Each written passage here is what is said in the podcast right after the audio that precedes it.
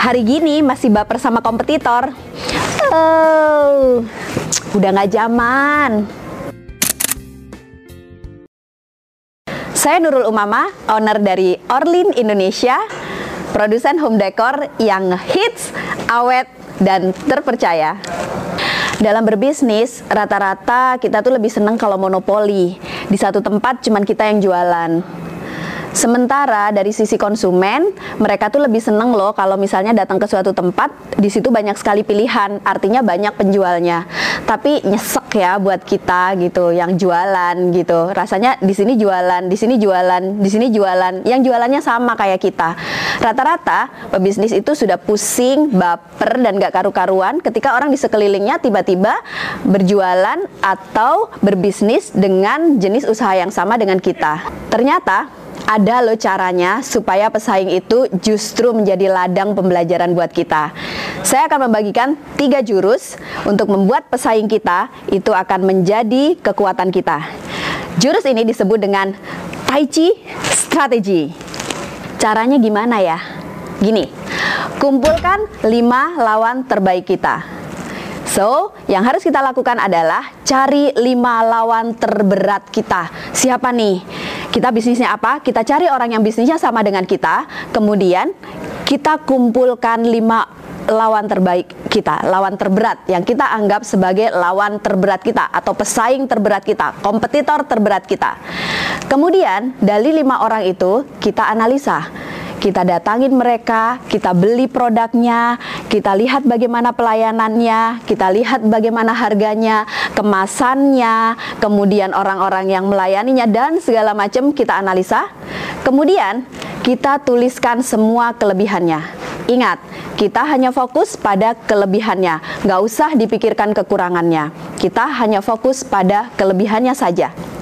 Kemudian kita susun tiga kelebihan utama dari lima kompetitor kita tadi. Misal, kompetitor A kelebihannya 1, 2, 3. Kompetitor B kelebihannya 1, 2, 3. Sehingga kita akan terkumpul 15 kompetensi yang unggul. Kita belajar dari 5 kompetitor dalam tiga kelebihannya sehingga kita punya 15 kompetensi yang paling unggul. Jurus kedua, kita gabungkan kekuatan lawan. Tadi kita sudah punya 15 keunggulan, maka yang perlu kita lakukan adalah kita gabungkan kekuatannya. Kita mengadopsi semua kekuatan yang ada dari lima kompetitor kita tadi. Kemudian langsung kita masuk ke jurus ketiga, yaitu ATM dan ATP. Amati, tiru, modifikasi, atau amati, tiru, persis. Nah, kita sudah tahu kan tadi tiga jurus The Tai Chi strategi bagaimana menaklukkan lawan dengan kekuatan dia sendiri dan kemudian jadi kekuatan kita. Sekarang kita masuk ke studi kasus ya. Contoh, misal saya punya sebuah lembaga pendidikan. Bagaimana caranya untuk saya bisa menerapkan Tai Chi strategi ini? Yang pertama, langkah pertama yang harus kita lakukan adalah mendatangi lembaga kursus lain. Ya, kita dati, kita datangi lembaga kursus lain yang menyediakan bimbingan belajar seperti yang kita sediakan. Kita datang ke lima lembaga kursus yang kita anggap pesaing terbesar kita. Entah dia produknya yang banyak, macam-macam yang ditawarkan itu lebih banyak dari kita, fasilitasnya lebih bagus, harganya lebih kompetitif dan sebagainya yang di mana lima lembaga itu merupakan lembaga yang kita anggap sebagai lawan terberat kita.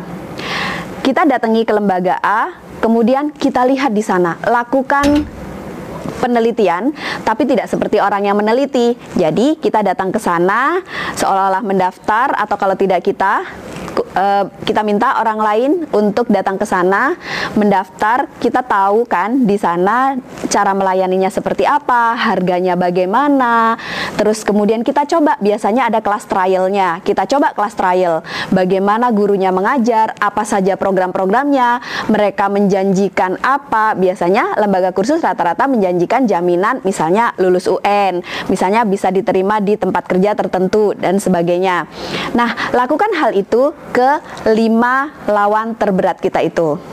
Sambil kita kemudian identifikasi apa saja kelebihan mereka yang paling utama. Setelah kita lakukan kelima lembaga itu, kemudian kita susun mana yang paling berat itu yang kita letakkan paling atas. Kita susun satu demi satu sampai terkumpul 15 keunggulan. Jadi satu lembaga kita dapatkan tiga keunggulan. Jadi lima lembaga kita akan dapat 15 keunggulan. Itu langkah keduanya. Langkah ketiga kita lakukan kita praktekkan apa yang sudah dipraktekkan oleh mereka dengan baik. Kita praktekkan habis-habisan. Kita bisa melakukan ATM, amati, tiru, kemudian modifikasi, atau bisa jadi amati, tiru, persis. Tapi setidaknya mereka punya keunggulan tiga, kita punya keunggulan 15. Itu yang bisa kita lakukan. Demikian sharing dari saya. Semoga bermanfaat ya. Salam kolaborasi untuk negeri.